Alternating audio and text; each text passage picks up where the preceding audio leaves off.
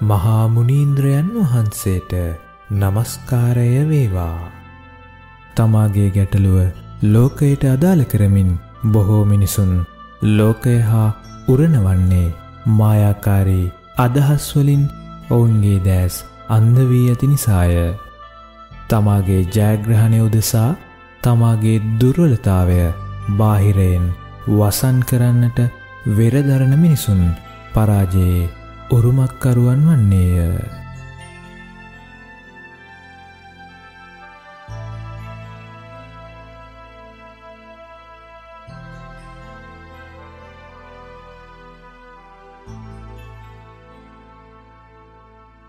කායේනච සාරණං යාමි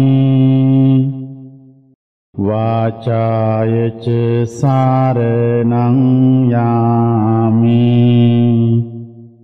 මනසාපිච සාරණං යාමි බුද්ධං සරණං ගච්ඡාමි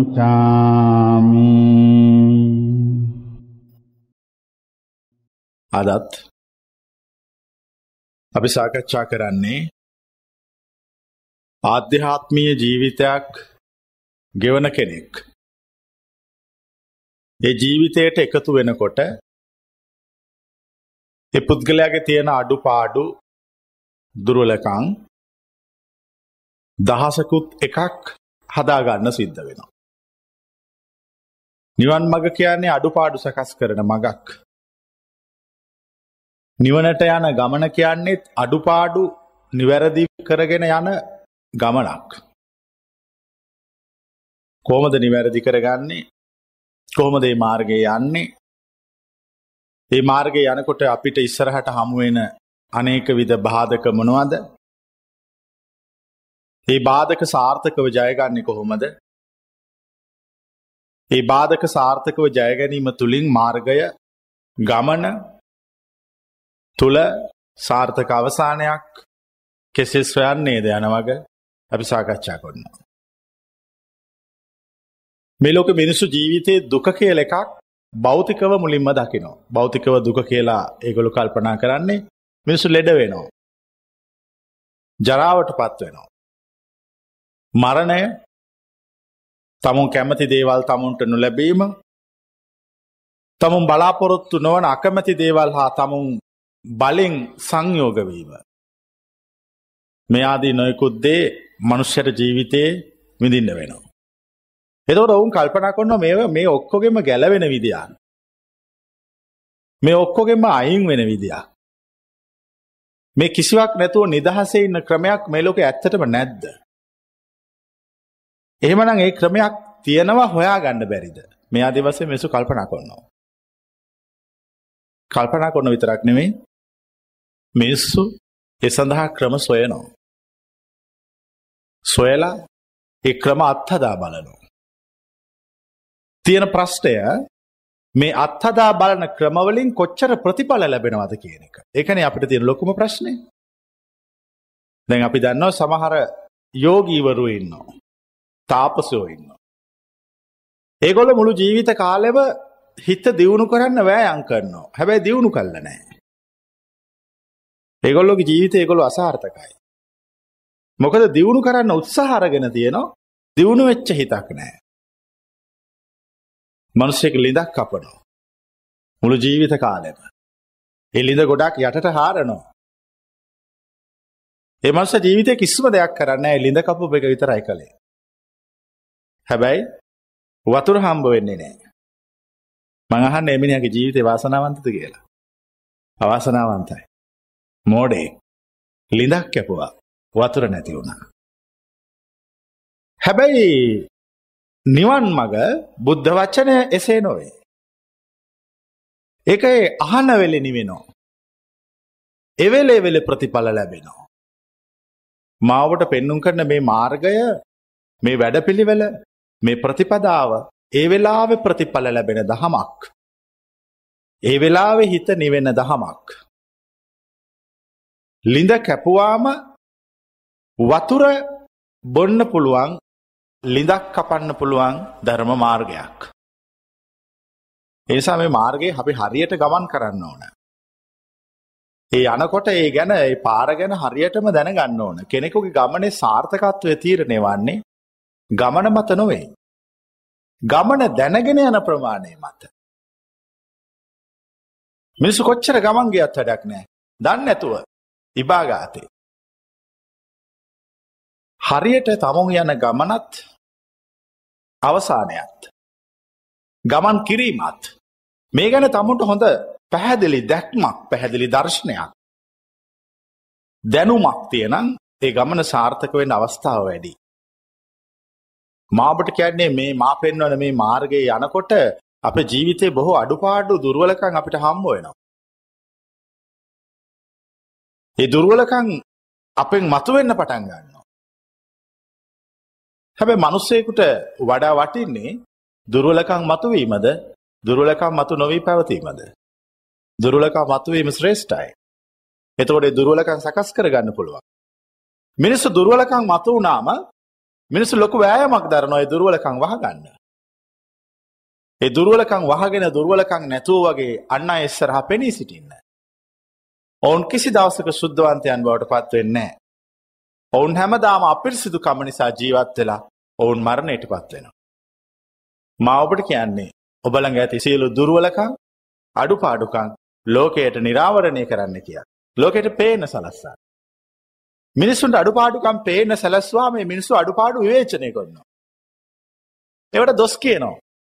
ඒවට බනිනෝ. තොර අපිට අවස්ථාවක් වෙනවා ඒවා සකස් කරගන්න. හිත විවෘත වෙච්ච තරමට විවෘත සිත ඔබට මාර්ගය පෙන්න්නනවා. පැහැදිලි වෙච්ච සිත ඔබට මාර්ගය පෙන්න්නනවා. නිවිච්ච සිත ඔබට මාර්ගය පෙන්න්නනවා. අපි ස්වාගත යුතු එකම දෙය සිත නිවාගන්න විදිය විතරයි හරියටම. ඒ සඳහා දේශනා වහන්න ඕන. ශ්‍රවණය කරන්න ඕන. කෙනෙකුගේ සිත නිවෙනකොට වටපිටාමොකක්ද වෙන්නේ. සම්පූර්ණයම නිවිල යනවා. සම්පූර්ණයම ශාන්ත භාවයට පත්වෙනවා. මනුස්සෙකුට ලෝක ගිනි අරගෙන වගේ පේන්නේ ඇත්තට එමිනිහගේ හිත ගෙන අරගෙන තියෙන නිසා. මිනිහෙකුට අවශ්‍ය නම් මුළු ලෝකෙම තියෙන ඒ සදාකාලික ගින්දර නිවන්න ඒ මිනිහා කළ යුතු එකම දේ ඒ මිනිහගේ හිත නිවා ගැනීමයි. ඒ මිනිහා තමන්ගේ හිත නිවා ගත්තම මුළු ලෝකෙම නිවිලා ගිහිල්ලා. දැන් ඔබ කළ යුත්තේ ලෝකේ නිවන එකද සිත නිවන එකද? ආ? සිත නිවන එක. හැබැයි මෙච්චර කාලයක් මේ කියන මාර්ගය මේ පැහැදිලි කරන ප්‍රතිපදාව මේ කියන ක්‍රමවේද නොදන්නා තාක්කල් ලෝකය නිව්වද සිත නිව්වද. ලෝකය නිවන්න ගියා. ලෝකය නිවීම වෙනුවෙන් අරගල කළා. ලෝකය නිවන්න කියලා සටන් කළා. හැබැයි ලෝකය නිවන්න කරන හැම සටනක්ම ඔබේ ඇතුලාන්තය අවුලුවන්න කරන තවත් එක සටනක් බවට පත් වුණා. ලෝකේ නිවන්න බෑ. නිවන්න පුළුවන් තමුන්ගේ ආධ්‍යාත්මය පමණයි. කෙනෙකුට ලෝකයේ ගිනි අරගෙන වගේ පේන්නේ තමුන්ගේ ඇතුලේ ප්‍රශ්නයක් තියෙනකොට. එතකොට ඥානවන්ත මිනිස්සයා ලෝකේ නිවන්න වැයන් නොකර තමුන්ගේ ඇතුළාන්තය නිවා ගන්නවා. ඇතුළාන්තය නිවා ගත්තාම ඒ පුද්ගලට පේනවා සියල්ල අවසන් වෙච්ච බව. නිවන් අවබෝධ වෙච්ච බව. නැවත ඔහුගේ ලෝකය කිසි දවසක නොඇවිලෙන බව. ලෝකේ ඇවිලීම යනු කුමක ඇවිලීමද. සිතේ ඇවිලීමයි. සිත ඇවිලුනාම හරි භයානකයි. ඒ ඇවිලිච්ච සිත ලෝකයක් විනාස කරන්න පුළුවන්. ඒ ඇවිලිච්ච සිත ගිනිගත්ත සිත ලෝකයක් නැති කරන්න පුළුවන්. මිනිස්සුන්ගේ කාමය මිනිස්සුන්ගේ වෛරය කෝපය මාන්නක්කාරකම උද්දච්චකම ලෝකෙට හැමතිස්සම ගිනි තියෙනවා. ඒ ගින්න නිවන්න සමර්ථ වෙච්ච කිසිම කෙනෙක් නෑ. ඒ ගින්න නිවාගන්නත් ඕන ඔහු විසින්මයි. ඔහු විසින් නිවා ගැනීම සඳහා ඔහු කළ යුතු එකමද ඔහුගේ ඇතුලාන්තය නිවා ගැනීම පමණයි. ඇතුලාන්තය පිරිසුදු කර ගැනීම පමණයි. පිරිසිදු මනුස්සෙක්වීම පමණයි. පිරිසිදු මනුස්සෙක් නොවෙන තාක්කල් ලෝකය ගිනි අරගෙන තියෙනවා. ඔබ සැබෑවටම ඇතුලාන්තේ නිවල ශාන්ත බවට පත්වෙලා සියල්ල කෙරෙහි ඇති මානසික බැඳීම් සියල්ල අත්තර දැම්මාම අන්න ඔබ සැබෑවට මනුෂ්‍යයෙක් වුණා. ඔහු සැබෑවට මනුෂ්‍යයෙක් නෙමේ උත්තරී මනුෂ්‍ය ආශ්චරිය ජනක මනුෂ්‍යයෙක් අච්චිරිය මනුස්ස ඒ තත්වට පත් වුණා. අපි හැමදාම කරේ ලෝකය එක්ක අරගල කරනවා මේ ලෝකය නිවන්න කියලා අරගල කරන්න. හැබැයි ඊට වඩා ලේසි ක්‍රමයක් මා දන්නවා තමන් නිවා ගැනීම. එතකොට මේ කිසි ප්‍රශ්නයක් නැහැ. මේ සියලු ප්‍රශ්න අපිට පේන්න පටන් ගන්න කොතන අඩුවක් තියෙන නිසාද. තමුන්ගේ ඇතුළාන්තේ අඩුවක් තියෙන නිසා. ඒ ඇතුළාන්තේ තියෙන අඩුව තියෙන තාක් මේ සියල්ල මේ විදිහට පේන්න පටන් ගන්නවා. මේ සියල්ල හේ පිළිබඳ යථාභූත ඥානය මේ සියල්ල පිළිබඳ යථාර්ථය මේ සියල්ල පිළිබඳ ප්‍රත්‍යක්ෂ ඥානය මේ සියල්ල පිළිබඳ අවබෝධඥානය පහළ වුණාම ඒ මනුෂ්‍යයාගේ ඇතුළාන්තය නිවෙනකොට ලෝකය නිවිල යනවා. දැන් අද ඉඳලා අපි ලෝකය දෙස නොබලා ඇතුලාන්තය දෙස බලන්න. ලෝකය නොනිවා ඇතුලාන්තය නිවන්න. ඇතුලාන්තය නිවන මනුස්සයා හැම මොහොතකම තමන්ගේ ඇතුළටම ගවන් කරනවා. මේ සියලු ප්‍රශ්න මේ සියලු ගැටුම් මේ සියලු අනවබහෝදය මුල් කරගත්ත අවස්ථා කාගේ ප්‍රශ්නය නිසා ඇති වෙච්චවද. මෙ මගේ මෙවට වග කියන්න ඕන මම අන්න එහෙම හිතන්න පටන්ග. අපි මේ දහම ඉගෙන ගන්න කලින් මේ කියන මාර්ගය තේරුම් ගන්න කලින් අපි හැමතිස්සෙම ලෝකයාට ඇඟිල්ල දික් කර. මේක මෙයා නිසා. මේක මෙයා නිසා. මේක මෙයා නිසා මේක මෙයා නිසා. හැබැයි ඒ වෙනකොට ඒ දවස්වල අපි නිසා වෙච්ච එකක්වත් එතන තිබුණේ. ඔක්කොම කවුරු නිසාද වෙලා තිබුණේ කවුරු හරි අනිත් අය නිසා. බලන් යනකොට මෙහෙම එක ඇඟිල්ලක් එයාට දික් කරනකොට ඇඟිලි තුනක්ම එයාගේ පැත්තට දික් වෙලා තිබ්බා. අපේ නූගත්කම නිසා අපිට පෙනුන්නේ අපේ නූගත්කම නිසා අපිට තේරුන්නේ අපේ මෝඩකම නිසා අපිට වැටහුන්නේ දැන් අපි ඊට වඩා ඥානවන්ත වෙලා අපේ දැක්ම පුළුල් වෙලා දැක්ම පුළුල් වෙනවා කියන අපි නිදහසේ බලන්න පටන් අරගෙන ලෝකයේ දෙස. අපි නිදහසේ සිතන්න පටන් අරගෙන. අපි හිරවෙලා හිටපු සීමාවල් අපි දැන් තේරුම් අරගෙන. අපි වෑයන් කරනවා හිරවෙලා හිටපු සීමාවල් වලින් එලියට එන්න.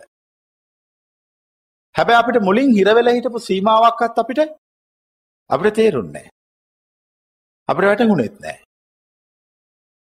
අපි හිතුවා ඒක ලෝකය කියලා. ළමයෙක් විශාල කඳුවලල්ලක් මැදට දැම්මොත් ඒ ළමයා ලෝකය කියලා කියන්න මොකටද. ඒ කඳුවලල්ල. එක තමයිගේ ලෝකය. එතකොට එයා ජීවිතය අනාගතය අතීතය මේ සියලු සංසිද්ධී කුමකට සාපේක්ෂවද ගොඩනගන්නේ. අර කඳුවලල්ලට සාපේක්ෂව. එතකොට කාලයත් එක්ක ළමයා ලොකු වෙලා උසමහත් වෙලා ඥානවන්ත වෙලා අතපය හයියාවම එළම කල්පනා කරනවා මේ කඳුවලල්ලෙන් උඩට ගොඩට ගිහිල්ලා කඳුවලල්ල පනිනෝ පැන්නහම පේනෝ මේක ලෝකය නෙවෙයි. අන්න ඊට පස්සේ යාර සංවිධානය කරගත්ත අනාගතය මොකක් කරනවාද. අර කඳුවලල් ඇතුළේ හිතාගත්තු ටික මොනෝ කොන්නවාද. එව අත්තරල දානවා. ඒව කඩලදා. ඊට පස්සේ ආයාට පේන ලෝකය තුළ ජීවත් වෙන පටන් ගන්නවා.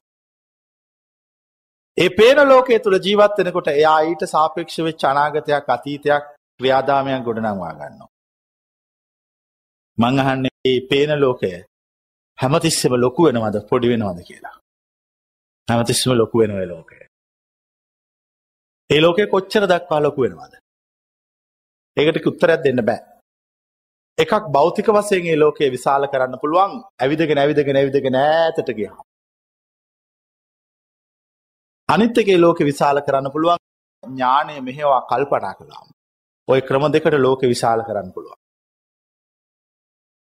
දැන් අපි මෙහෙම මෙහෙම මේ ලෝකෙ පුළුල් කරගෙන යනකොට අපිට තේරෙනවා අපි ඉස්සර හරි මෝඩයි. අපි පුංචි කාලේ හිතන් හිටියා මේ කඳුවලල්ල ලෝකේ කියලා. මේ සියල්ල මේක ඇතුලේ පවතිනවායි කියලා. හැබැයි අපිට තේරුණා එහෙම නෑ ඒක වැරදි. ඊට වඩා වෙනස් ඒ සිද්ධි. දැන් අපි ඊට වඩා පළල් එකක් අපි දකිනවා. අපි දැන් ඥානවන්ත වෙලා කියලා එතකොට හිතනවා. එතකොට එයාට පේන සීමාව තමයි ලෝකය. මෙහෙම මෙහෙම ගෑන් පස්සේ අපිට අපේ අනවබෝධය අවබෝධ වෙනවා මිසක් අපිට ජීවිතය වෙන අවබෝධයක් නෑ. මං කියප හොඳට තේරුම් ගන්න. අනවබෝධ වෙච්ච බව අවබෝධ වෙනවා මිසක් වෙන කිසිම වෙන අවබෝධයක් නෑ. එතවට මොකක්ද මිනිහිකුගේ අවබෝධය කියල කියන්න. අනවබෝධය පිළිබඳ තිබිච්ච ඇතිවෙන අවබෝධයයි. මගේ අනවබෝධය මෙච්චරයි. මගේ අනවබෝධය මෙච්චරයි. මගේ අනවබෝධය මෙච්චරයි. එක තන හොගේ අවබෝධය. එක තන හොගේ ප්‍රඥාව. ඒක තම ඔහු නිවනට ලංවෙච්ච ප්‍රමාණය. හැමතිස්සේ මතකතියා ගන්න ඕන තමවුන් තුළට යොමු වෙන්න. අපි කරන්න පොදු වැරද්දත් තමයි හැමදාම අපි ස්වබාදහම විසින් අපිව පුරුදු කොල්ල තියෙනෙන් ලෝකයට යොමු වෙන්න. මනුස්සේගේ ඇස් දෙක විවෘත වෙලා තිය ලෝකයේ දෙස බලන්න. කන් දෙකෙන් ඇහෙන්නේ ආධ්‍යාත්මයවත් තමුන්ගේ ශරීරයේවත් ඇතුළ රිද්මය නෙමෙයි එලියේ ඇති ගෝෂාව. එලිය ඇති ගෝෂාව අපිට හෙනවා. ඒත් අපිට අපේ ජීවිතයේ අප ඇතුලාන්තයේ රිද්මය අපිට සවන් දෙන්න බෑ. නාසයෙන් ගන්න අපේ ආධ්‍යාත්මයවත් අපේවත් ගඳ සුවඳ නෙමේ. ලෝකයේ වතාවේ වතාව ඇතිව නැතිව යන ගඳ සුවඳ. අපි දිවෙන් කිසි දවසක අපේ රස බැලුවේ නෑ. අපි දිවෙන් හැමදාම රස කරේ ලෝකය. අපි ස්පර්ශයකය කියා හැමදාම ලැබ්වේ ලෝකය දීපු ස්පර්ශ මිසක් වෙන කිසිවක් නේ. මා කියන්නේ මේ ඇස කණ නාසේ දිව ශරීරය අපිව මුලාවට පත් කළ තියෙනවා කියා. මේ පහාවේ මුලාවට පත් කළ තියෙනවා. මේ පහ හැමතිස්සෙම අපි ඇතුළට හිදාගෙන බහින්න හදනකොට මොකක්ද කරන්නේ. අරමුණක් පෙන්නලා හිදාගෙන බහින්න එපා යං මාත් එක කියලා එක්කරගෙන යනවා. ඇස් දෙක ඔබට අරමුණු පෙන්න්නනවා. ඇස් දෙක ඔබට අරමුණු පෙන්නලා ඔබත් එක ඇවිදින්න යනවා. ලෝකෙ සොයන්න. කන් දෙක ඔබට අරමුණු පෙන්න්නනවා. අරමුණු පෙන්ල කන් දෙක ඔබව එක්කරගෙන යනු ලෝකෙ සොයන්න. නාසය ඔබට අරමුණු පෙන්න්නනවා. අරමුණු පෙන්නල ලෝකය සොයන්න ඔබ එක්කරගෙන යනවා. දීව ඔබට අරමුණු පෙන්න්නනවා. ලෝකය සොයන්න ඔබ එක්කරගෙන යනවා. ස්පර්ශය ශරීරය ඔබට අරමුණු පෙන්න්නනවා. ලෝකය සොයන්න එක්කරගෙන යනවා. මංහන්නේ ද මේ ඔක්කොම ගැන හොයනවා. කවුරු ගැන නොසොයාද. තමන් ගැන නොස. ඔන්න නොතනින් මනුෂ්‍ය අමාරු වැටල තියෙනවා. ඒ සුබාදහම ඔබව ග්‍රහණයට අරගෙන තියෙනවා. සුබාදහම ඔබ වහල්කමට අරගෙන තියෙනවා. හැම මනුස්සෙක්ම සුබාදාමට වහල්කං කොන්න මොකක් නිසාද. කරුණු පහක් නිසා. ඇසින් රූප බලන්නත් කනින් ශබ්දහන්නත්. නාසයෙන් ගඳ සුවඳ ගන්නත්. දිවෙන් රස බලන්නත් ශරීරයෙන් ස්පර්ශය ලබන්නත් ආසාාව තියෙන තාක්කල් ඔබට සුබාදහමට වහල්කං කරන්න සිද්ධ වෙනවා. මං මේ කියන හොදර කල්පනා කරන්න. මිනිස්සු ජීවිතයක් ගෙවනවා කියලා සැපට කරන කිසිම දෙයක් මට පේන්නේ. මට පේන එකම දේ ස්වබාදහමට වහල්කං කිරීම පමණයි. හැමෝම හැම කෙනෙක්ම. මං කෑන මේ වහල්කං කිරීම නවත්තන්නේ කියා. මේ අරමුණු පසුපස ඉභාගාතයක් නැතුව දුවන එක නවත්තල දාන්න. ඒ අරමුණු පසුපස ඉභාගාතයක් නැතුව දිව්වට ලැබෙන කිසිම රසයක් නෑ. ලැබෙන කිසිම වින්දනයකුත් නෑ. වින්දනයක් රසයක් ලැබුණනම් ඒ සියල්ල අවස්ථාවට සාපේක්ෂකයි. මම ප්‍රශ්නයක් අහනවා කල්පනා කරන්න මම මේ කියන දේ ගැන. මිනිහෙකුට ගොඩාක් බඩගිනි වෙලා ඉන්නවා. එමින දවස් 3-4කින් කෑම කාලා නැහැ. අපි මේ මනුස්සයාට බතුයි, ලුණුයි, පොළුයි ගෙනල්ලා මේසයක් උඩ තියලා වතුරත් එක්ක කන්න දෙනවා. මම අහන්නේ කෑම කොච්චර රසද කියලා. ඒ කෑම ගොඩක් රසයි. ඒ මනුස්සයා බත් කාලා කියනවා හරිම රස කෑමක්. හරිම රසයි. කවදාකවත් මම මෙච්චර රසට කෑමක් කාලා නැහැ. ඊට පස්සේ දවස් දෙක තුනක් ඒ මාසෙ කන්න බොන්න දීජි වෙලා අපි ඊළඟ දවසෙත් අර මනුස්සයා කිව්වනේ රස කෑමක් කියලා. අපි බත්තු වෙලා පොල් ගාලා ලුණු ඉහළ ගිහිල්ලා අර කලින් කියපු රස කෑම වෙන්න මං අදත් ඔහෙ කෙරේ අනුකම්පාවෙන් හදාගෙන ආවා කියලා ආයෙ ගිහිල්ලා දුන්නාම ඒ මිනිහා මොකද්ද කියන්නේ? ඒ මිනිහා කියනවා මේව කන්න බෑ. මේ බතුයි පොළුයි ලුණුයි. මේව කන්නේ ළමයි. මං අහන්නේ මොකද්ද කියලා මේ උනේ? මේ මොකද්ද මේ උනේ? මේ මොකද්ද මේ ලෝකය? මේ ලෝකෙම හරි අමුතුයිනේ. මේ සියල්ල සාපේක්ෂකයි. මේ සියල්ල අවස්ථානුකූලයි. යථාර්ථයක් කියලා එකක් කොහෙවත් නැහැ. සියල්ලේ අවස්ථානුකූලව ගොඩනැගිච්චව පමණයි. ඒ අවස්ථානුකූලව ගොඩනැගිච්චව අපි අල්ලගෙන ඉන්නවා. මිනිහෙකුට රස කියලා දැනෙන්නේ ඒකේ රස නෙමෙයි ඇත්තටම. වටපිටාවත් එක්ක එකතු වෙච්ච රස. වටපිටාවේ දේවලුත් ඒ රසයට බලපාන. මිනිහෙකුට ඇහැට පේන රූපයක් කියලා ඒ රූපේ ලස්සන කියලා පේන රූපේ ලස්සන නෙමෙයි. වටපිටාවත් එකට කරන බලපෑමත් එක්කයි. දැන් මම ප්‍රශ්නයක් අහනවා මට උත්තර දෙන්න. තේකක රස හරියටම දන්න අය අත උස්සන්න. කිසිම කෙනෙක් නැහැ. තේකක රස හරියටම දන්නේ බුදු කෙනෙක් විතරයි. උන්වහන්සේ කරන්නේ සියලු සාපේක්ෂක අයින් කළා තේ බොනෝ. මිනිස්සු තේ බොන්න ගියාම සාපේක්ෂක එක්ක බොනෝ. සාපේක්ෂක එක්ක තේ බොන්න ගියාම රස දැනෙන්නේ නැහැ. මිනිස්සු තේකට වැනිලා දානවා. මං අහන්නේ ඇයි මිනිස්සු තේකට වැනිලා දාන්නේ කියලා. වැනිලා වලින් සුවඳක් එන නිසා. එතකොට මිනිස්සු තේ බොනවද? තේ ඉඹිනවද කියලා ප්‍රශ්න කරනවා. මිනිස්සු තේ ඉඹිනවා. ඒ විතරක් නෙමෙයි. ඒ තේක හදලි වෙලා ලස්සන කෝප් එකට දානවා. මං අහන්නේ තේ බොනවද? තේ බලනවද කියලා. ඒ මිනිහා තේ බලනවා. ඒ තේකේ ශබ්දය, ඒ තේක චලනය වෙන විදිය, දුන් දාන විදිය මේවට අපි සවන් දෙනවා. මං අහන්නේ තේ බොනවද? තේ අහනවද කියලා. එමින තේක අහනවා. තේකට සවන් දෙනවා. මනසින් ඒක පිළිබඳව මවපු චිත්‍රය රස විඳිනවා. මං අහන්නේ තේ බොනවද? තේ විඳිනවද කියලා. ඥානවන්ත මනුෂෙක් මේ ඔක්කොම වෙන් කරනවා. විභාජනය කරනවා. බෙදා දක්වන. බෙදා දැක්වහම එයට ලෝකය පිළිබඳ ඇතිවන්නේ කුමක්ද. යථාර්ථවාදී චින්තනය. එකට අපි ගැන යථාර්ථවාදී චින්තනය. ආර්යන් වහන්සේලාගේ චින්තනය. මංහන්නේ එතකොට ඒ මිනිහට තේකක් ඇත්තටම විවට රසත් තියෙනවාද කියලා. නෑ.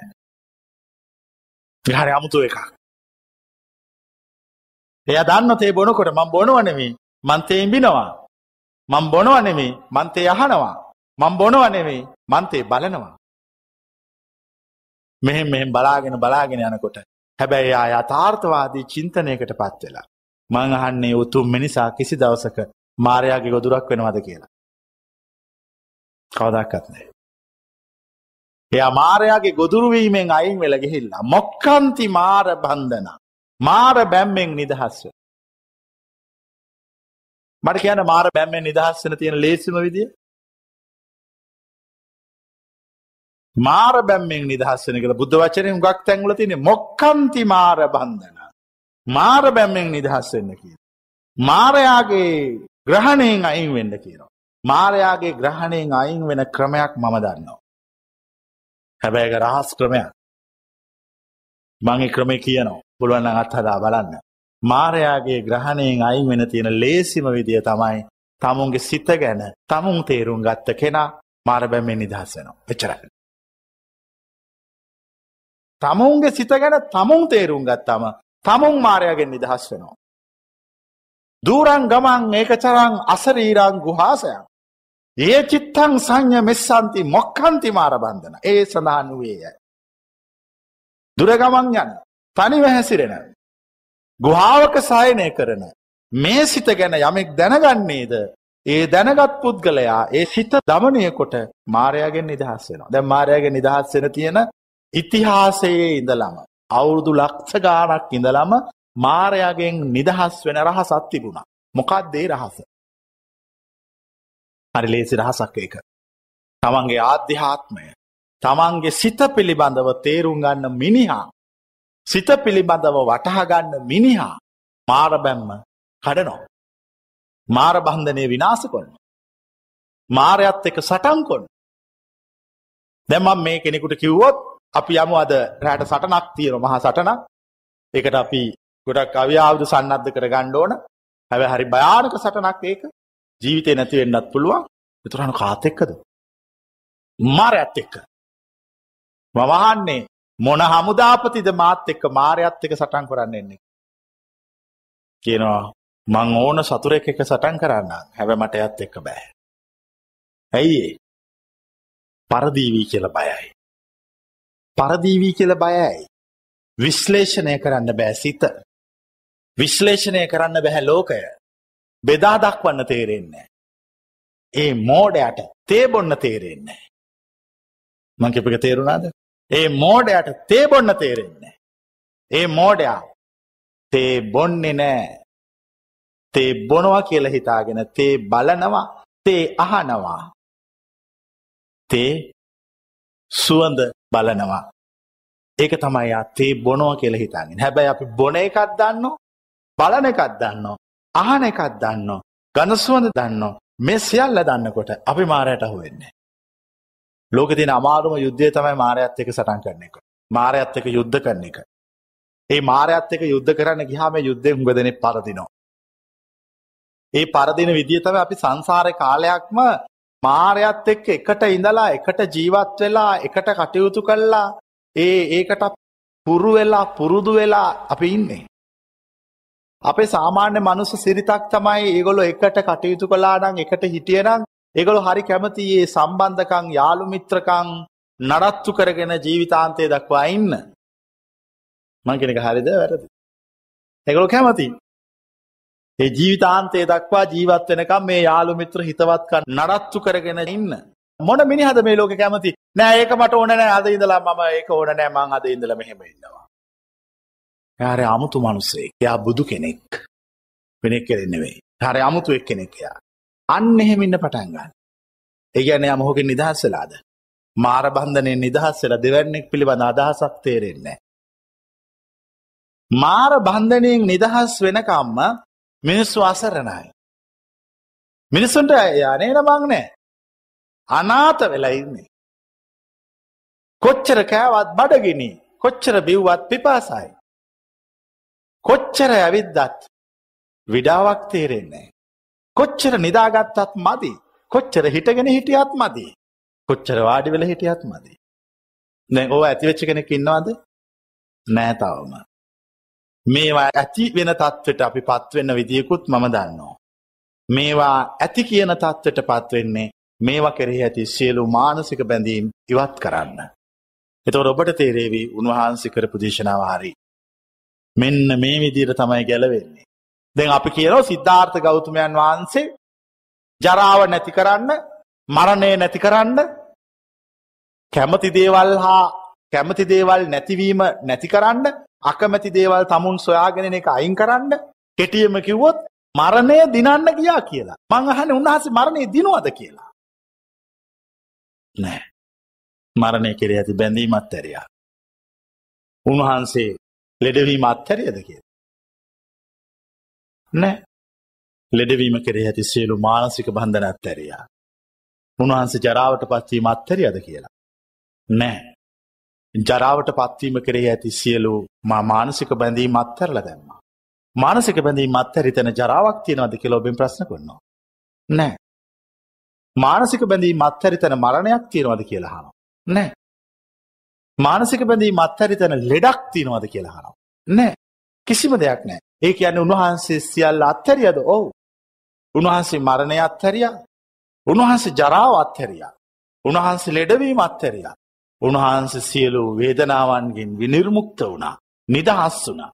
උන්වහන්සේ ශුද්ධ වුණා. පාරිශුද්ධ වුණා. ගැලවුණා. ඔක තමයි ගැලවේ. දැන් අපි හොයන්නෙත් මොකද්ද? අපි හොයන්නේ අජර වෙන්න. ජරාවක් නැතුව ඉන්න. අමර වෙන්න. මරණයක් නැතුව ඉන්න. අව්‍යාදී වෙන්න. ලෙඩ නැතුව ඉන්න. හැබැයි ලෝකෙ ක්‍රමයක් නැහැ. අජර අමර අව්‍යාදී වෙන භෞතිකව. එවැනි ක්‍රමයක් තියෙනවා මානසිකව. ඒ ක්‍රමය නිවන් මඟ අවබෝධ කරගත්ත උතුම් ඔය ක්‍රමය දන්නවා.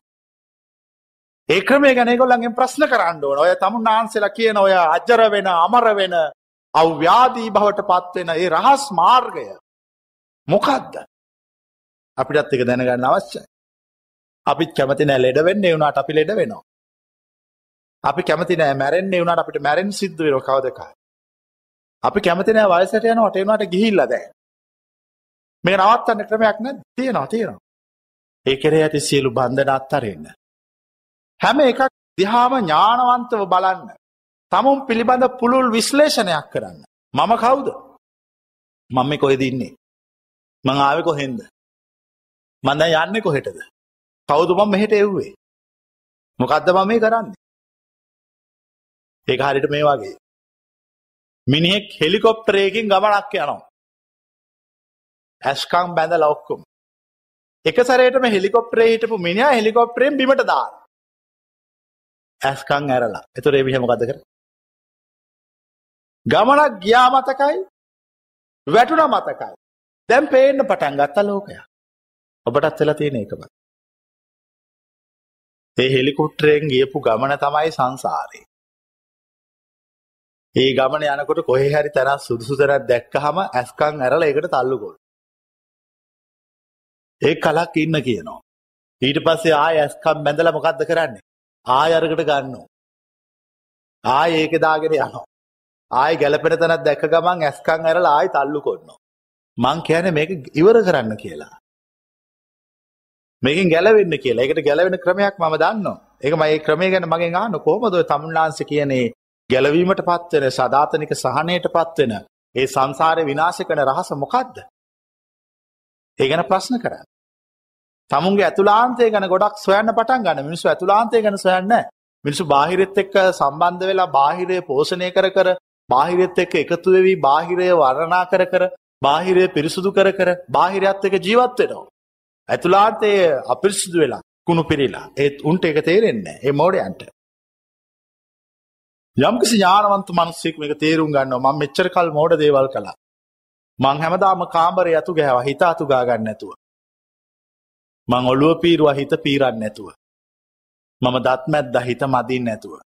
මං අද ඉඳලා හිත පීරනවා හිත අතුගානවා හිත මදිනවා දත් වෙනුවට සිත මදින්න.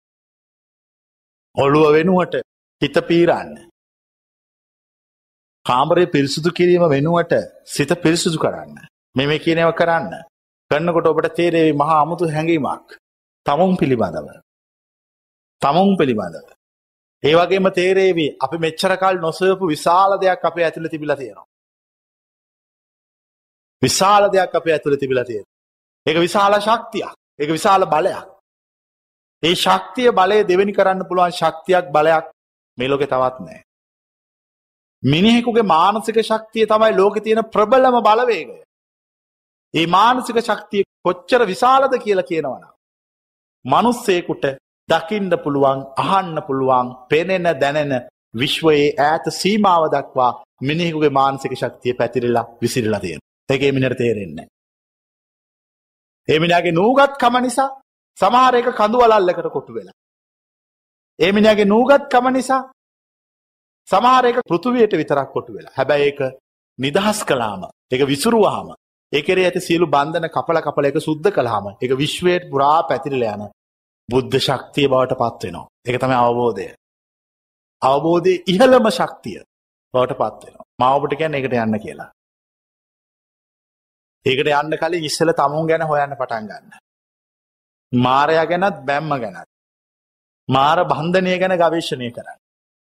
මිනිස්සු නූගත් වුණහම ඒ නූගත් මිනිස්සුන්ට කවදක්වත් මාර බැම්මෙන් ගැලවෙන්න බෑ. මිනිස්සු අනාගතය හදනකොට අනාගතය හදන මිනිහ කවදක්වත් මාර බැම්මෙන් ගැලවෙන්නේ පිහල තියෙන දම්පදට්ට කතාවතිය ගුරුවරයයි ගෝලයයි ගෝලයට සිවුරක් හම්බ වෙනවා ගෝලයා කල්පනා කරනවා මේ සිවුර මම අඳින්න නරකයි මම සාමාන්‍ය මිනිස්සෙක්. අපේ ගුරුතුමා රහතෙක්. මම මේ සිවුර ගෙනහිල්ලා උන්වහන්සේට පූජා කළා මම පෙන් සිද්ධ කරගන්න. එතකොට ඒ රහතන් වහන්සේ පුටුවක හාන්සි වෙලා ඉන්නවා. ඒතර ගෝලයා ආවිල්ලා කිව්වා මට මේ වටිනා සිවුරක් හම්බුණා මං සමුන්නාන්සේව හම්බ වෙලා මේක පූජා කරන්න ආවා. අන්න ඕක පැත්තකට දාලා. මෙන්න මේ පවන් අත්තක් අරගෙන මට පවන් සලනවා. අර ගෝලයා කල්පනා කළා මහා නපුරු මිනිස්සෙක්. මම මෙච්චර භක්තියෙන් සිවුරක් හදාගෙන ඉල පූජා කළා. මෙයා රහතෙක් කියලා හිතලා. මෙයා කොහෙද රහතෙක් වෙන්නේ? මෙයා මේක විසි කරන්න කිව්වා. පවන් සලසලා ඉන්නකෝ ඔයාගේ දාඩිය නැති වෙයි. දැන් මෙහෙම පවන් සලන ගමන් කල්පනා කරනවා. මම යනවා සිවුර වල යන්න. මම ඉන්නේ නැහැ. මම ගිහිල්ලා මම මේ සිවුරත් අරගෙන යන්නේ. මම මේ සිවුර විකුණනවා. සිවුර විකුණලා මං තනකොළ කපනවා. මොන කොන්න ගමන්ද මේ හිතන්නේ? ට්‍රාන්සන්. මං තනකොළ කපලා හරකෙක් ගන්නවා. මේ බලන්න ලස්සට අනාගතේ හදන දැන් අර පවන් ගහලා. එයා මාර බන්ධනයට අහු වෙලා ඉන්නේ ඒකයි එහෙම වෙන්නේ. මම හරකෙක් ගන්නවා. හරක අරගෙන ඊට පස්සේ මං ඒකට පැටියෙකුත් හම්බුවේ මං කිරිදවල කිරිත් විකුණනවා. කිරි විකුණලා විකුණලා මං සල්ලි එකතු කරන ගොඩක්. මං තව හරකෙක් ගන්නවා. එතකොට අර හරකයි මේ හරකයි හරක් දෙන්නයි හරක් දෙන්නට පැටව් දෙන්නයි ඒ පාර මෙයාගේ ව්‍යාපාරය දෙගුණ වෙනවා. මං ආයෙ කිරි විකුණනවා. මං තව හරකෙක් ගන්නවා. ඌටත් පැටියෙක් හම්බ වෙයි. ඔහොම ඔහොම ඔහොම ඔහොම මං විශාල ගව හිමියෙක් වෙනවා. ගව හිමියෙක් වෙලා මං කරත්තෙකුත් ගන්නවා. මේ දාට සාපේක්ෂව හිතනේ වද නම් හිතන්නේ මොකද? මං ලොකු වාහනයකුත් ගන්නවා. මේ කාලේ හිටපන් මං හොඳ කරත්තෙකුත් හදා ගන්නවා. කරත්තෙකුත් හදා ගන්න විතර නෙමෙයි මං කසාදත් බඳිනවා. ඉතින් මොහොම කසාද බඳනකොට මට ළමයෙකුත් හම්බ වේවි. එතකොට මේ හාන්දුර හොඳට ඕව නා කියලා. පවුනේ ඉතින් බලන්න එනෝ මං නාකි වුණාම. නෝනයි මායි ළමයයි තුන්දෙනාම කරත්තේ නගිනවා. කරත්තේ නැගලා අපි එනවා මේ වයසට ගිය හාමුදුරුවෝ බලන්න. දැන් මේ මොනව කොන්න ගමන්ද හිතන්නේ? පවන්සල්න ගමන්. වැරදිලාවත් අපේ නෝනගේ අතින් ළමයා වැටුනොත් එහෙම මම ඒ අම්මන්ට ගහනවා මේ හරකට ගහන කෙවිතෙන් කියලා අරකින් ටාන් ටාන් ටාන් ටාන් ටාන් ගාලා. අර රාතන් වහන්සේ ඔළුවට අර පවන්සලපු පවන් අත්ෙන් ගහගෙන ගහගෙන ගහගෙන ගහගෙන ගියා. උන්වහන්සේ ඇහුවා හුඟක් දුර ගිහිල්ලා වගේ. අන්න මාර බන්ධනය. අන්න එක තමයි මාර බන්ධනය. එයා දන්නේ නැතුව එයාගේ හිත හුඟක් දුරට යනවා. එයා දන්නේ දැන් ඔය කියන විදියට අයිතිකාරයාගේ හිත අයිතිකාරයට හොරා දුර යනවා නම් ඒ හිත අයිතිකාරයාගේ ඇතුලේ කවුද ඉන්නේ? මාරයා ඉන්නවා. ඒ හිත අයිතිකාරයාගේ ඇතුලේ මාරයා ඉන්නවා. ඒක ඒ අයිතිකාරයා දන්නේ අයිතිකාරයා දන්නේ අයිතිකාරයා දන්නේ නැති කම නිසාම මාරයා එතනින් වැඩක් ගන්නවා. මාරයා එතනින් වැඩක් ගන්නවා. ඒ ගන්න වැඩේ තමයි අයිතිකාරයට නොකිය. අයිතිකාරය අකමැතිව තියෙද්දිත් අයිතිකාරයාගේ හිත යාට ඕන විදියට අරගෙන අයිතිකාරයා ඒක භාවිතා කොන්න අපි හලතියනො පැරණි පොත්පත්වල සඳහන් කළ තියෙනවා යකුන් යක්ෂයෝ ඕන වුණහම ගමන් යන්න යක්ෂයෝ මිනිස්සු අල්ලල ගන්නවලු. මිනිස්සුන්ගේ ඇඟ උඩ නගිනවලු. නැකල යකුන් මිනිස්සුන්ගේ ඇඟ උඩ නැකල හැම තැනම විදිනවා. ඇවිදන බස්සල යනවා. එතොට මේ මිනිස්සු කාටද වහල්කං කරන්න යක්කුන්ට. සමහර යකුන් කරන්නේ ගෑනු අල්ලනවලු. අල්ලේ ගෑනුන්ගේ ඇඟ උඩ නැකලා හැම තැනම ඇවිදිනවලු. අර අස්සයාගේ පිටින් යන්නේ. ඇවිදලි වෙල්ලා ඉවරුණාම ඒ ගෑනු දාලා යනවලු යක්කු යන. කුමාරයෝ, ඒ කියන්නේ තරුණයෝ අල්ලනවලු. අල්ලලා එවුන්ගේ ඇඟ උඩ නගිනවලු. නැගලා හැම තැනම ගමන් යනවලු විශ්වයේ. එලා එවුන් දාලා යනවලු. කුමාරිකාව අල්ලනවලු. අල්ලලා නගිනවලු ඇඟ උඩ. නැගලා ඒ යකුන් හැම තැනම ඇවිදලා දාලා යනවලු. පුරිසවාහනංකත්වා අනුයන්තී දිසෝ දිසං ඉත්තිවාහනංකත්වා අනුයන්තී දිසෝ දිසං කුමාරිවාහනංකත්වා අනුයන්තී දිසෝ දිසං කුමාරවාහනංකත්වා අනුයන්තී දිසෝ දිසං. ඒ යකුන් ඒ විදියට ඉන්නවලු. අන්නේ යකා තමයි මාරය. ඒකැන මිනිස්සු දන්නේ නෑ මාරයට අහු වෙනවා. මිනිසුන එක තේරෙන්නේ. මිනිස්සු නොපෙනෙන නොවෙන්න කිසි දවසක සාක්ෂාත් කරන්න බැරි අනාගතයක් පස්සේ පිස්සු වැටිලා වගේ දුවනවා. පිස්සු මිනිස්සුන්ට. කිසි දවසක සාක්ෂාත් කල්ල ඉවර කරන්න බැරි අනාගතයකට සීනමවනු. කවදක්කත් යථාර්ථයක් වෙන්න නැති අනාගතයක ජීවත් වෙනවා. පුංචි කාලේ තරුණ කාලේ අනාගතයක් අනාගතය බවට පත් කරල ලස්සන සුන්දර සිහින ලෝකයක් මවල පෙන්න්නනවා. අර ළමය දාඩියමුගුරු දාගෙන හති හලාගෙන අතපය කඩාගෙන ඒ තරුණ මවපු සුන්දර ලෝකෙවේ සාක්ෂාත් කරන්න මහාරගලයක් කරනවා. ඒ මාර බන්ධනයට අහු වෙච්ච නිසා. ඊට පස්සේ තරුණ වුණයින් පස්සේ ආයේ මැදි වයස පිළිබඳව ඇති කරනවා ලොකු චිත්‍රයක්. ලොකු සිහින මාලිගා ගොඩනගලා. ඒකට ලස්සන ගෙවල් හදලා යානවාහන පේන්න තියලා සමාජ සම්බන්ධතා බැංකු පොත් සමාජ තරාතිරන් රැකීරක්ෂා මේ සියල්ල නිර්මාණය කළ ලස්සන චිත්‍රයක් හදනවා. හදලර නැවුම් තරුණයාට කියනවා අන්න තියෙනවා. අරමුණක් ගිහිල්ල සාක්ෂාත් කරපා. අර මෝඩයා මෝඩය කියන්නේ උට මොකදර එක පාරක් කාපික දන්නේ එක පාරක් කාපික තේරුණාන එතනින් හට යන්න එතනි නවත්තනනේ මන් දැම් මං පොඩි කාලෙත් ඔහොම එකක් හිතුව හිතල ම මෙතෙන්ට ආවා මං ඇවිල්ල බැලුව මට ලැබිච්ච දෙයක් නෑ මං ආය යන්න මම මේක නවත්තනවා මට නිදහසෙන් ඕන මේ කිසිවකට අහුවෙන් නැතුව එයා ඥානවන්තලං හිතන්න නොනේ එයා මෝඩයි එයා අරක පස්සිදුව ඉටවස අවුරුදු පණහ පනස් පහ දක්වා ගිහිල්ල චිත්‍ර කොටසක් හරියාගන්න කොටසක් වරදිනවා. ඉටවස ආය චිත්‍රයක් හදනවා. වයසට යාම පිළිබඳව. වයස ඒක පසගෙන ආය දුවහම් කියනවා. ඔය දවාගෙන අතරමඟ මැරිලා වැටනවා ඉවරයි. ඒ මාර බන්ධනය. මහන්නේ මුළු ලෝකෙ මෙන්න මිනිස්සු මොහොකට දහුවෙල තියෙන්නේ කියලා. මහා පුදුමාකාර මාර බන්ධනයකට අහුවෙලා. ඒ මිනිස්සුන්ට එක තේරෙන්නෙත් නෑ. ඒක තේරුම් කෙරෙව්වට තේරෙන්නේ. තේරුම් කරවන කාට වට වෙලා ටොකු වැරල ගහලෙලවනු. ඒ මෝඩය අහු වෙලා ඉන්න මාර බන්ධනයේ මෝඩයන්ට තේරෙන්නේ. ඥානවන්ත මනුස්සෙක් නිදහසේ කල්පනා කරන්න අර අර ගුරුවරයාගේ ගෝලයාගේ අර ඔල්ුවට ගහපු කතාවේ ගුරුවරයා නිශ්බ්ද විඳල හුඟක් දුරගයා වගේ නේද කියලා ඇහෝ වගේ. හිට පස්ස තම යාට තේරෙන යාගේ හිත යාටත් නොකයාව ඒක තැන්ගොල එක්කගෙනයක්. මං අහන්නේ ඔබේ සිත ඔබව මේ අද මේ මොහොත දක්වා වෙනකොට මොන තරම් වහල් වැඩ කරෝ ගත්තද කිය. කොච්චරයව කෙරෙව්වාද. කොච්චර දෙවල් පස්සේ දියව්වාද පලය පලය දිව්වා දැන් දැන් දැන් මේක පලය එකෙත් ගියා. දැන් දැන් මේක පලය අතපය කඩාගෙන ලේ හලාගෙන තුවාලවේ මිනිසු දුවනවා. මිනිසුන්ට අවසානය කිසිවක් ශාක්ෂාත් වෙන්නේ ඒකේ මෝඩයන්ට තේරෙන්නෙත් නෑ තේරුම් කලාට තේරෙන්න්නෙත් නෑ එක සංසාර සාපය මිසක් කන් කවරක්. එක තමයි සංසාරගත සාපය. ඒගොලු සාපයකට අහු වෙලා. ඒ සාපය නිසා එගුලන්ට කිසි දෙයක් තේරෙන්නේ එගොලට වැටහෙන්නෙත් නෑ එගොලන්ගේ පවට එතනම මැරි මැරි එතනම නැවත නැවත පහළ වෙනවා මවබට කියන්නේ සාපයෙන් ගැලවෙන්න කියලා නිදහසේ සිටින්න කියලා ජීවිතය ලෝකය පිළිබඳ නැවුම්ව සුන්දරව ලෝකේ දකින්න කියලා හරි අමුතු ලෝක හරි සුන්දරයි හරි සුන්දරයි. මම කියන්න මේ ඔක්කොම නවත්තලා තේකක් බොන්න කියලා. නිදහසේ. එතකොට තේහෙක හරිම රස දැනෙන්න්න පටන් ගනේ ඔය හරිම රස කියන එක සාපේක්ෂව හදාගත්තු එකක්. එක සාපේක්ෂකයි කෝප්පේ වටිනකම තේ කොලෝල වටිනකම. හදන මනුස්්‍යයගේ තරාතිරම තේක තියල තියෙන මේසේ වටිනකම තේක තියල තියෙන ගේ වටිනකම මේ සියල්ල තේකේ රස තීරණය කොන්න. මං කියන්න මේ ඔක්කොම වැරදිී කියලා. මෙවා නූගත් මිනිස්සුන්ට හරිගයාට ප්‍රඥාවන්ත ඥානවන්ත මිනිස්සු මෙ ප්‍රතික්ෂේප කරනවා. ඒ මිනිස්සු වෙන අපි හොයන්නේ වෙනස් නොවෙන සධාතනයක සැපක් මොකක්දේක ඒකම නිර්වාණය මිසක්කන් කවරද්ද. මේ සියල්ල පිළිබඳ යථාර්ථය අවබෝධ කරගත්ත කෙනා මේ ලෝකයේ පිළිබඳ කලකිරෙනවා. කලකිරෙනවා කැන එපාවෙනවා කෙනෙක නෙවේ. එපාවුණ හම කරන්න ද මේ ලෝක එපාවෙන කාටහර.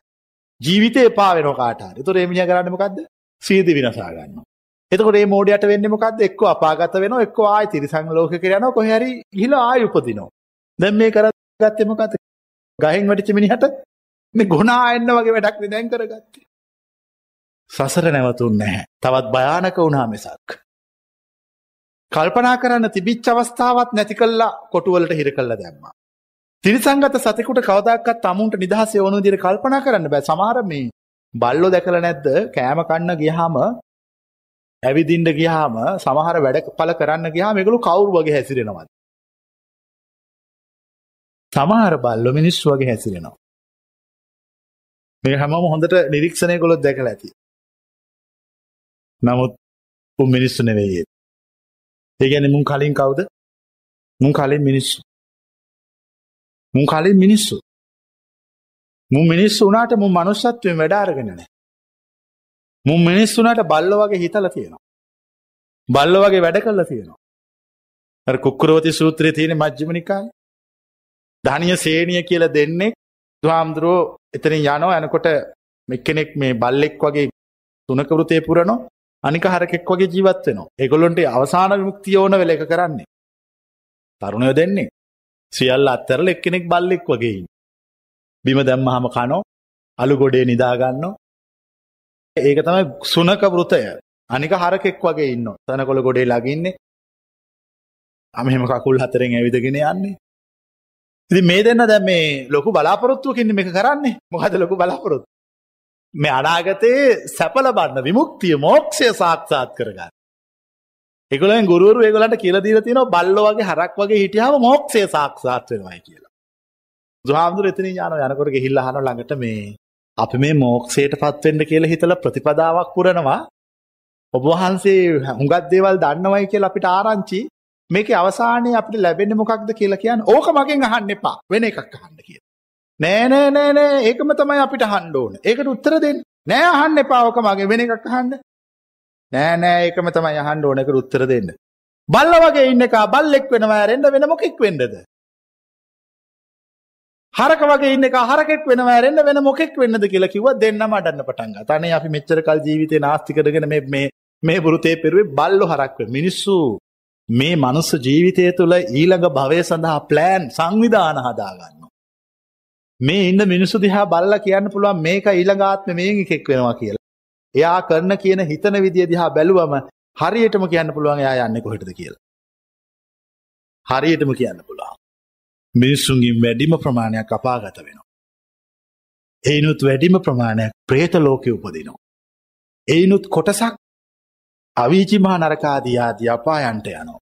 ඉතාම සුළු පිරිසක් දිවිය ලෝකෙට යන. එක තම ඇත්ත. නොපිළිගන්න ඇත්ත ඒක. සංයුත්තනිකායේ නකසිකා සූත්‍රය නියපිටින් පස්සරගෙන කරන දේශනාව. මහනෙන. මේ මහපොළොවේ පස්තරම් මිනිසුන්ගෙන් නියපිට තියෙන පස් ප්‍රමාණයක් සුගතිගාමි වෙනවා. මහනෙන මේ මහපොළොවේ තරම් පස් ප්‍රමාණයක් මිනිස්සු අපාගත වෙනවා. එක හරියට මාරෙක්. එක තමයි මේ ලෝකෙ තියෙන විශ්වරිද්මය. ඒ එහෙම වෙන්න මිනිස්සුගේ නූගත්කම නිසා දීල තියෙන ඥානෙන් වැඩගන්න කවුරුවත්. මේ ලෝකය ගැන නිදහසේ බලන්න කල්පනා කරන්න. මිනිස්සු එක දෙවල්ලට හිරවෙලා හරිට බල්ලෙක් කෑම පිඟානකට හිරවෙලා ඉන්නවාගේ. කුරුල්ලෙක් කූඩුවකට හිරවෙලා ඉන්නවාගේ. ඌරෙක් අසූචි ගොඩකට හිරවෙලා ඉන්නවාගේ මිනිස්සුගේ චින්තනය හිරවෙලා පටු වෙලා. ඒ පටු චින්තනය මිනිස්සුන්ට තවත් පටු සීමාවක් වන තිරිසං අපාය දක්වා ගෙන නෝ මිසක් වෙන කිසිවක් දායාදයක් වසෙන් දෙන්නේ. කිසි වෙලාවක මනස පටු කරගන්න එපා. කොටුවලට රාමුවලට හිරවෙන්න එපා නිදහසේ හිතන්න හොඳ හෝ නරක හෝ මොකක් හෝ කවන්න නිදහසේ හිතන්න. නිදහසේ කල්පනා කරන්න. නිදහසේ වැඩ කරන්න. එවිට ඔබේ මනුෂ්‍යත්වය වර්ධනය වෙන්න මෝරන්න පටන් ගන්නවා. මෝරපු මනුෂ්‍යත්වයක අයිතිකාරයෙක් බවට පත්වෙන්න. දුරුවල වුණු මනුෂ්‍යත්වයක අයිතිකාරයෙක් බවට පත්නොවන්න. ඒ මෝරපු මනුෂ්‍යත්වය ඔබට ඊළඟ බවෙහි නැවත මෝරපු මනුෂ්‍යත්වයක් ලබා දෙනු ඇත. දුරුවල මනුෂ්‍යාත්මය ඔබට ඊළඟ භවය අපාගත කරවනු ඇත. සුගතිය සොයන්න අපායෙන් නිදහස් වේ. ගැලවීම සොයන්න ඇලීමට හසු නොවේ. හොඳට හිතන්න පටන් ගන්නකොට ලෝක ඇත්ත නැත තේරෙනවා. මිනිස්සු නූගත්. මෝඩයි. මේ මෝඩ මිනිස්සු මාරයට අහු වෙලා. ඒ මිනිස්සුට තේරෙන්නේ මාරයට අහු වෙනවා කියලා. ඒ මිනිස්සු පේන්නේ නැති අනාගතයක් හදහ දේක පස්සේ දුවනවා. මං කියන්නේ පේන්නේ නැති අනාගත අත්තරලා දාලා පේන වර්තමානයේ සතුටින් hina වෙන්න කියලා. නිදහසේ ඉන්න කියලා. හරියට ළමයෙක් ඉන්නවා වගේ. ළමයෙකුට අනාගතයක් හෙට දවසක් හෙට කෑමක් ගැන කිසිම අදහසක් නැහැ. පොඩි ළමයෙකුට. ඒ වුණාට ඒ ළමයාට කිරිපොවලා වතුර දීලා බඩ පිරෙව්වහම ඒ ළමයා මොකද්ද කරන්නේ? හයියෙන් hina වෙනවා. හරිම නිදහසේ. හෙට දවස ගැන අදහසක් නැතුව මංහා එහෙම හිනා වෙන්න බැරියයි කියලා. ඒ කාල තිබිච්චේ කුඩා කාල තිබිච්ච හිනාවට මොකක්ද වනේ කියලමංහන්නේ. ඒක කවුද හොරකං කරගෙන ගී කියලාහන්නේ. ඒක කාටද විකුණ්න කියලාහන්නේ. ඒ කාටද විකුණලා කාරද උගස් තියලා. ඒ උගස බේර ගන්න ගිල්ලා. උගස බේරගෙන ආය නිදහස හිනා වෙන්න පටන් ගන්න. වර්තමානයේ සන්තෝසින් ජීවත් වෙන්න පටන් ගන්න. කිසි බැඳීමක් කිසිම කෙනෙක් එක හදාගන්න එපා. කිසි දෙයකට නොබැඳී නිදහසේ සතුටින් සිටින්න. එතට ඔපට ජීවිතය තේරේවි මොකක්ද ජීවිතය මනුස්ස ජීවිතය කියන්න කිය. එම නැත්තම් මනුස ජීවිතය කියලා තිරිසං අපායෝය ඉන්නේ. එක තේරුම් ගන්න. මනුස්සෙක් තිරිසං අපාය ඉන්න බවට හොඳම සාක්ෂිය තමයි ඒ මනුස්්‍යයාගේ මනස තුළ තියෙන්න්නා වූ රාමු ප්‍රේම් යම් මනුස්්‍යයෙක් ළඟ යම් මනුෂ්‍යයගේ මනස තුළ රාමු පවතීද ඔහු සැබෑවටම තිරිසනෙක් හැර අන්කවරෙක්ද. උත්තිරිසනෙක්මයි. යම් මනුස්සෙකුට සැබෑවට මනුෂ්‍යත්වයට ළඟාවෙන් අවශ්‍යන ඒ මනුෂ්‍යයා තමාගේ මනසි ඇති සියලුම රාමු ගලවා ඉවත් කළ යුතුය. ඒවයින් නිදහස් විය යුතුය. බැහැරවිය යුතුය. එවිටේ මනුස්්‍ය ශ්‍රේෂ්ඨත්වයට පත්වෙනවා. මංහා ඊළඟ ප්‍රශ්නය. ඇයි මනුස්සේකුට රාමු හැදෙන්නේ. කල්පනා කරන්න. ඇයි රාමු හැදෙන්නේ. ඇයි මේ කොටුවලට අහු වෙන්නේ එකේකේවට. ඒයාගේ මමත්වය නිසා. මමත්වයට සාපේක්ෂව එකේක රාමු හදල දාගෙනව නඩත්තු කර කරන්නවා. මනුස්සේකුට රාමු ඉවර කරන්න බෑ කිසි දවසක. මමත්වය විතරයි ඉවර කරන්න පුළුවන්. මමත්වය සම්පූර්ණයම ඉවර කල්ල දාන්න. ඇතුළත සම්පූර්ණයම සුද්ධ කරගන්න. පිරිසිදු කරගන්න. එතකොට ඔබට තේරේදී ඔබ උතුම් මනුසෙක් වෙච්ච බව. ඔබ සියල්ලෙක් නිදහස් වෙච්ච බව. ඒක තමයි මා දේශනා කරන විමුක්ති මාර්ගය. ඒ කියන විමුක්තියට පත්වෙන්න. සියලු රාමු හිතේ තියෙනව ගලවලායින් කරන්න මෙ මකරදරයක්. මේ ජීවිතය තුළ දැනෙන එකම මහ පුදුමාකාර විඩාවක් අසහනයක්. සාපයක්. මේ සාපයෙන් එලවෙන්නන මං පෙන්නට පාර යන්න වෙන. යම් කිසි කෙනෙක් කිසිම බලාපොරොත්තුවක් නැතුව අවසාන විමුක්තිය පිළිබඳව මා පෙන්නූ පාරෙහි ගමන් කරන්නේද ඔවුන් සියල්ලෝම මා පෙන්නූ අවසාන විමුක්තිය කරා යන්නෝමය. කිසිම බලාපොරොත්තුවක් නැතුව මා පෙන්නූ මාර්ගයෙහි ගමන් කරන්නේ දවසාන විමුක්තිය ගැන ඔවුන් සියල්ලෝම මා පෙන්නූ අවසාන විමුක්තියට යන්න ඕය. යම් කිසි කෙනෙක් මා පෙන්නූ අවසාන විමුක්තිය කෙරෙහි බලාපොරොත්තු තබාගෙන ඒ අවසාන විමුක්තියට යන්නෝද ඔවුන් සියල්ලෝම අපාගත වන්නෝ මිසක් අන් කවර තැනකට යන්නද. එක එක රාමු හදාගන්න. අවසාන විමුක්තිය ගැනත් හදාගන්න ඔයගොලු රාමුව. හදාගෙන ඒගොල්ල හදාගත් අවසාන විමුක්තියට යනවා හරියකට යන්න ඇතු ම කියන හරියකට යන්න කියලා. හරියකට යන කෙනාට හරියක මොකක්ද කියල එකක් හදන්න පායි හැදුවොත් ඒක වැරදික. මම මේ කියන වචන බොහොම ඥානවන්තව කල්පනා කර.